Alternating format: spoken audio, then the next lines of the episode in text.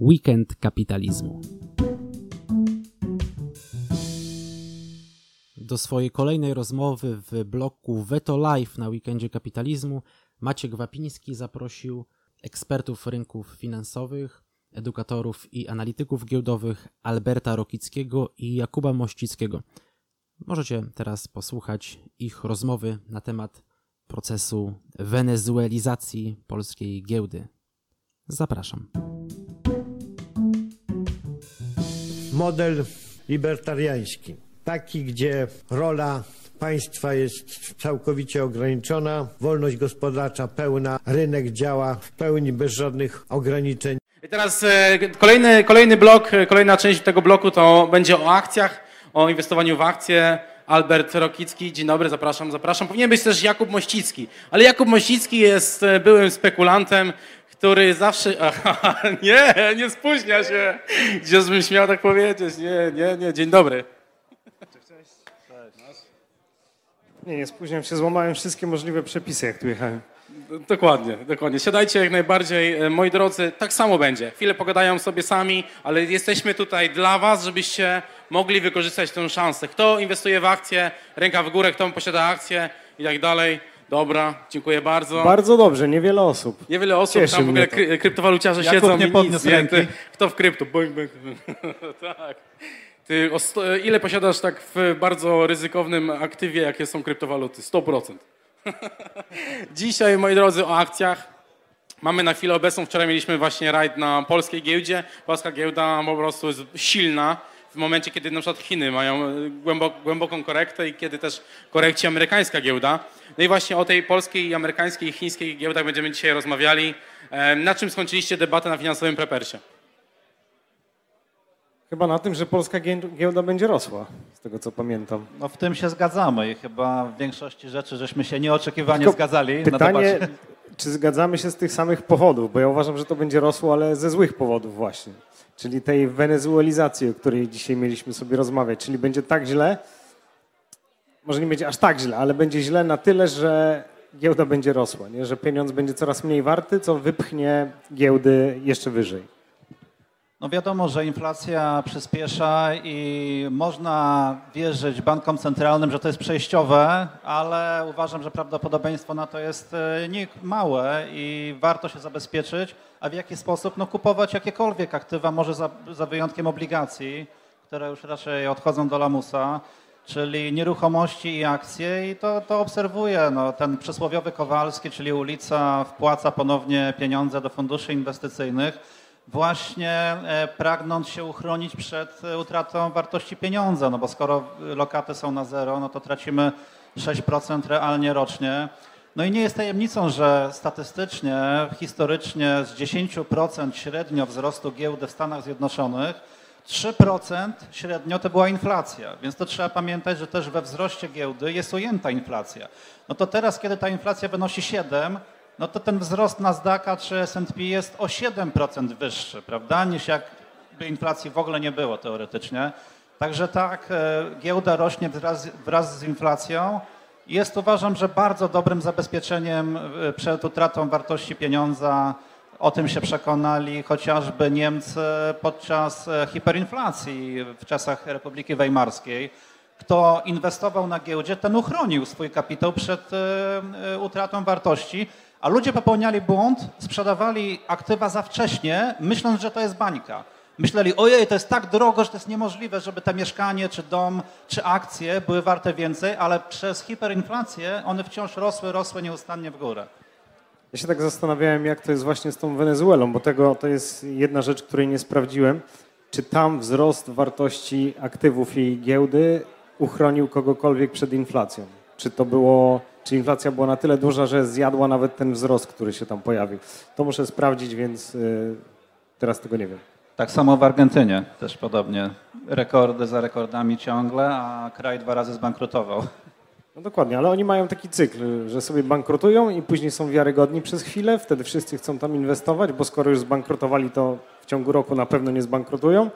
No i dochodzą do takiego momentu, gdzie znowu sobie bankrutują, obligatariusze poniosą, e, ponoszą tego konsekwencje, no i później znowu są wiarygodni, znowu ludzie tam inwestują. I tak to się w kółko kręci u nich.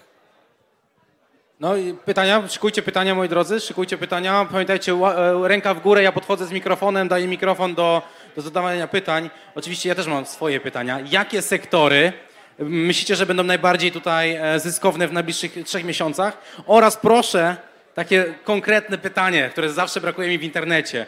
Trzy konkretne akcje, które po- posiadacie teraz. Ja to swoje konkretne wrzucałem na mojego Twittera. To są takie nudne, bardzo nudne akcje PZU, PKO e, i jeszcze, jeszcze coś, e, coś I znowu innego. się zgadzamy. No. Znaczy, bo ja, ja generalnie... Allegro nie, rozumiem. To nie Allegro dotykasz. nie. Allegro jest moim zdaniem e, za drogie, nie ma gdzie się rozwijać, więc e, Allegro nie. Natomiast moje podejście inwestycyjne jest bycie takim mega nudnym inwestorem, trochę takiego e, Buffetta, czyli kupujemy akcje, dobre akcje na zawsze i żyjemy sobie z, z dywidendy. Okej. Tak, e, dzień dobry. E, Co według Was państwo może zrobić poprzez jakieś zmiany prawne, deregulacje, żeby ta giełda polska e, rosła szybciej, żeby tutaj lokowały się firmy naszych sąsiadów, nie wiem, Litw, e, z Litwy, z Czech e, i żeby no, firmy takie jak Impost nie musiały robić e, IPO e, w Holandii, tylko właśnie, żeby mogły w Polsce. Jakie to są reformy tutaj, konkretne deregulacje? Moim zdaniem to nawet nie chodzi o to, żeby były jakieś konkretne reformy, tylko o to, żeby to prawo się nie zmieniało co 5 minut.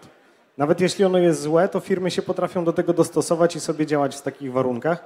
Natomiast jeśli mamy zmianę prawa co miesiąc, tak, i trzeba się dostosowywać, teraz znowu jakieś będą zmiany w kasach fiskalnych, E, Czytam na przykład w, w działalności e, handlowej w, w niedzielę, tak? Teraz ostatnio Solidarność chyba zgłosiła jakieś poprawki, że studenci jednak będą mogli pracować w niedzielę. Więc no, w takim e, otoczeniu prawnym, który się zmienia co miesiąc, naprawdę jest trudno prowadzić biznes. Więc jak ktoś jest dużą firmą i sobie tak popatrzy, że e, taka mała decyzja może kosztować ich grube miliony, no to się dwa razy zastanowią, zanim tutaj wejdą. Ja bym jeszcze dodał e, taką jedną radę dla rządu, która byłaby pewniakiem. Na pewno by giełda poszła w górę i zwiększyła popularność. Zniesienie podatku Belki, 19%. Bo to miało być obiecane tymczasowo, a mamy to do dzisiaj. To Belka wprowadził chyba jeszcze w latach 90. pod koniec. Poprawcie mnie, jeżeli się mylę. I miało być tam na rok, na dwa, tak? A jest z nami do dzisiaj. I gdyby przynajmniej obniżyć to tak o połowę, to myślę, że by bardzo pomogło w, podejściu do inwestowania Ale z Polaków. tym podatkiem e, Belki były chyba plany rok temu czy dwa lata temu e, zniesienia go dla inwestycji długoterminowych. Jeśli ktoś trzymał chyba akcje dłużej niż dwa lata, no to wtedy miał być zwolniony z, z Belki, ale jak się domyślam, patrząc na nasz budżet, pomysł padł. Witam. Witam panowie. E, takie krótkie pytanie. Akcje Freeza. E, konfetti czy wartościowe akcje? Friza, ekipy. No, na razie ich nie ma. Na razie jest spółka, Jakub posiada akcje. Na, na razie ich nie ma na giełdzie, na razie jest spółka, z którą się będą łączyć.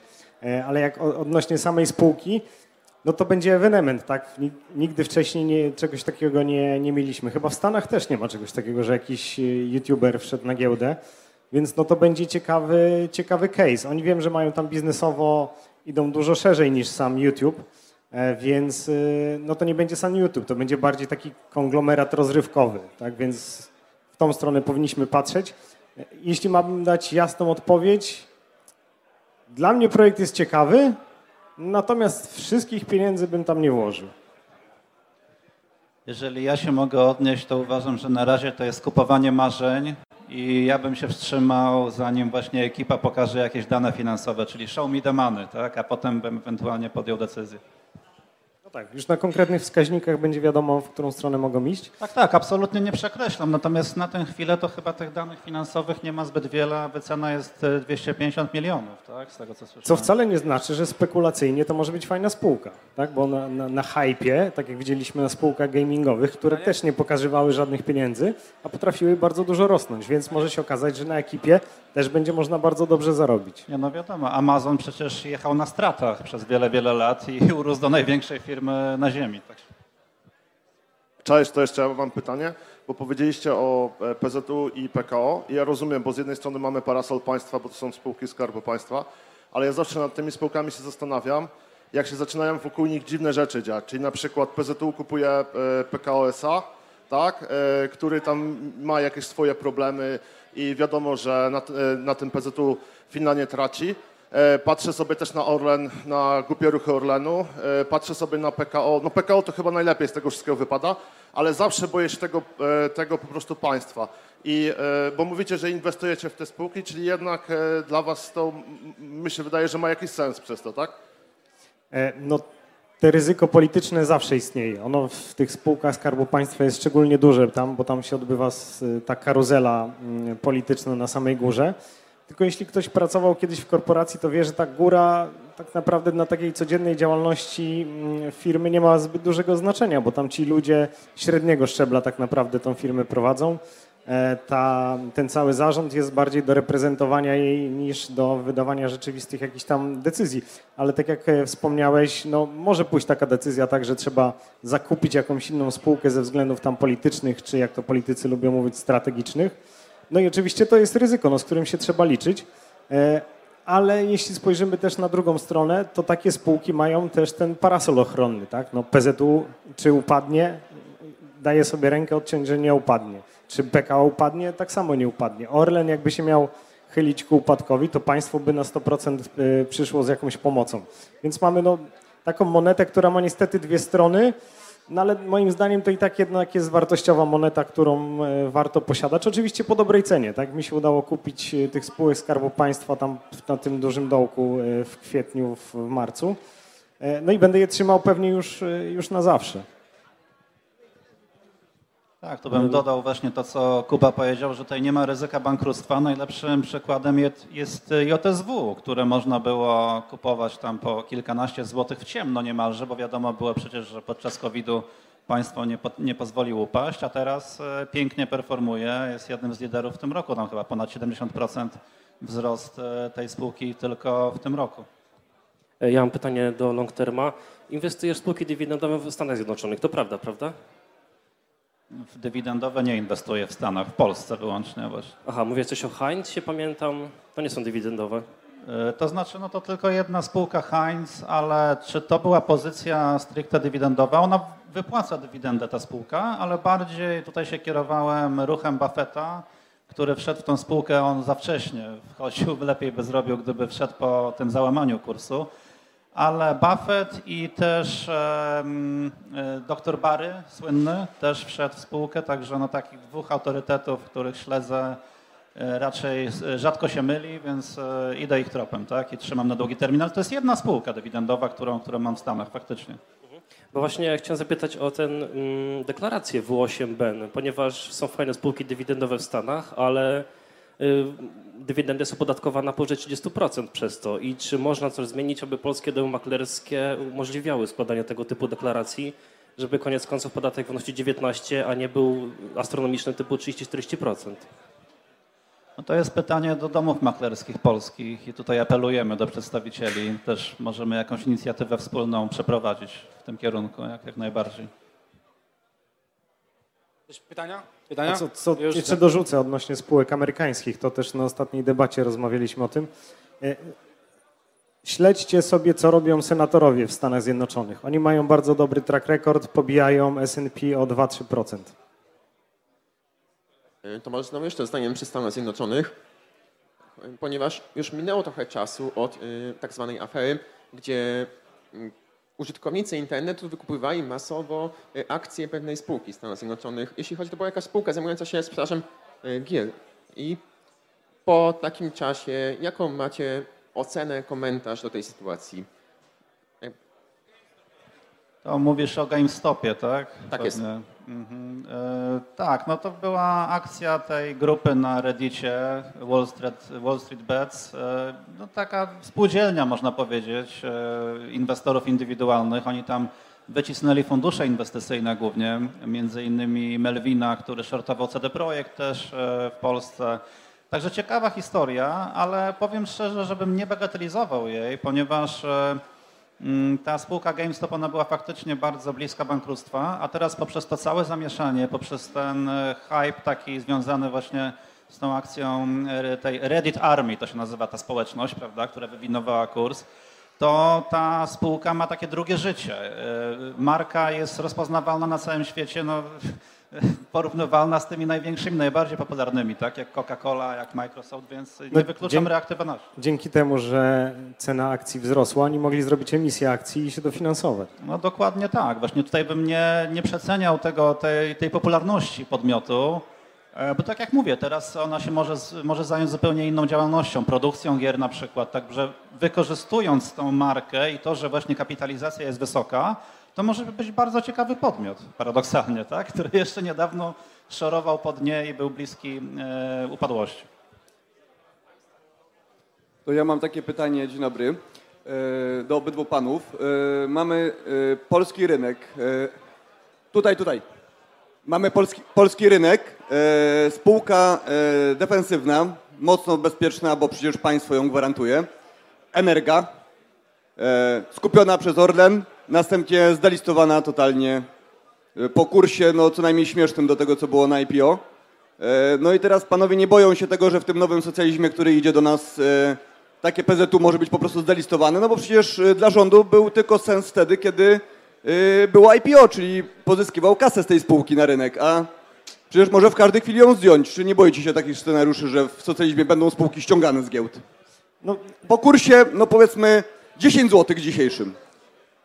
Ogłoszenie na za rok po 10 zł. Moim zdaniem takiego ryzyka nie ma, bo jeśli byśmy wycofywali po jakimś śmiesznym kurs- kursie Orlen, e, PZU, JSW czy jakąś inną taką wielką spółkę, no to to byłby już taki czerwone, bardzo czerwone światło dla inwestorów zagranicznych, że tu się nie warto pchać i nigdy już by e, polska giełda się nie podniosła, także nawet socjaliści nie są aż tak głupi moim zdaniem. Tak, i pamiętajmy, że Energa była naprawdę przeceniona mocno. To była okazja, tak? I gdyby Energa nie była państwowa, to na pewno jakiś kapitał zagraniczny by się zainteresował tym podmiotem, a tak, no to Orlen przejął po prostu. Także myślę, że akurat Orlen zrobi dobry, dobry deal na tym. Ej, Dzięki. Ja chciałem się zapytać o spółkę Orlen. Zgadzam się, że COVID był w mojej opinii również bardzo dobrym miejscem, żeby kupno w ogóle y, kupić spółki Skarbu Państwa. I co myślicie o PKN-ie? Tak długoterminowo, nie wiem, 30 lat. No 30 lat to moim zdaniem dywidendowa taka krowa. No, będzie wypłacała dywidendę, samochody będą dalej jeździć. Mimo tej rewolucji e, samochodów elektrycznych, no widzimy jak to raczkuje z jakimi problemami się boryka. Zaraz nam dojdzie problem e, tych baterii, które się zużywają. E, więc no, o ile ta elektromobilność jest fajna, tak jeśli ktoś jeździł samochodem elektrycznym, szczególnie z tej wyższej półki, to wie jakie to jest fajne. E, Więc e, moim zdaniem paliwa jeszcze długo, długo przed sobą mają drogę, a poza tym to nie są tylko e, samochody, jeśli chodzi o Orlen. Z, z ropy robi się dużo, dużo więcej rzeczy. Tak? Wszystkie plastiki, które nas ota- otaczają, są zrobione z ropy. Więc moim zdaniem Orlen w długiej perspektywie i tak sobie poradzi. Ja chciałem się jeszcze podzielić takim przemyśleniem, bo mnie, y, ja obserwowałem Azję od, od, od środka, jak to wyglądało również ró- w różnych kryzysach. I mnie się wydaje, że Polska to też jest taki rynek, Polska Europa, gdzie rodzą się czebole. I tak myślę, że tam jest kultura czebolu. I myślę, że Polska Europa to też tak. Wydaje mi się, że taki PKN to też może być czebol. I to wszystko. Dziękuję. Dzięki. To jeszcze raz ja, e, taki mały komentarz. E, Panie Albercie, ale czym się różni delisting od skupienia przez Orlen e, spółki e, po cenie 10 zł i już nigdy więcej nie sprzedanie? Przecież nie mówimy o fizycznym ściąganiu spółki z giełdy. Mówimy o tym, że e, spółka państwowa kupiła spółkę państwową. E, No nie użyję ła- nieładnego słowa tutaj na antenie, robiąc to inwestorom, co zrobiła po IPO, więc... e, E, to może doprecyzuję. Orlen, ten nasz kochany, ulubiony, skupi akcję PZU po e, 10 zł, ponieważ PZU przez najbliższy rok będzie e, ogłasza e, wyniki blisko bankructwa. Mamy COVID, przecież to jest bardzo proste. No i skupimy e, od leszczy e, fajne aktywo i go już nigdy nie wypuścimy na rynek. Nie musimy go ściągać z giełdy. Nie boicie się takiego ryzyka? No ale to jest, na, na tym polega też i rynek. No, i państwo czy Orlen, no to są też gracze na tym rynku, tak? No to nie wiem, powinniśmy zakazać takich e, sytuacji, tak? Zakazać e, państwowemu podmiotowi uczestniczyć w rynku wolnym, no to też by była jakaś swego rodzaju ingerencja, więc To może się nie podobać lub podobać, ale no to są prawa rynku, tak? I trzeba, trzeba się pogodzić, że państwo też jest e, graczem na tym rynku i podejmuje pewne decyzje. A przecież w przypadku prywatnych, zauważ, podmiotów są identyczne case'y.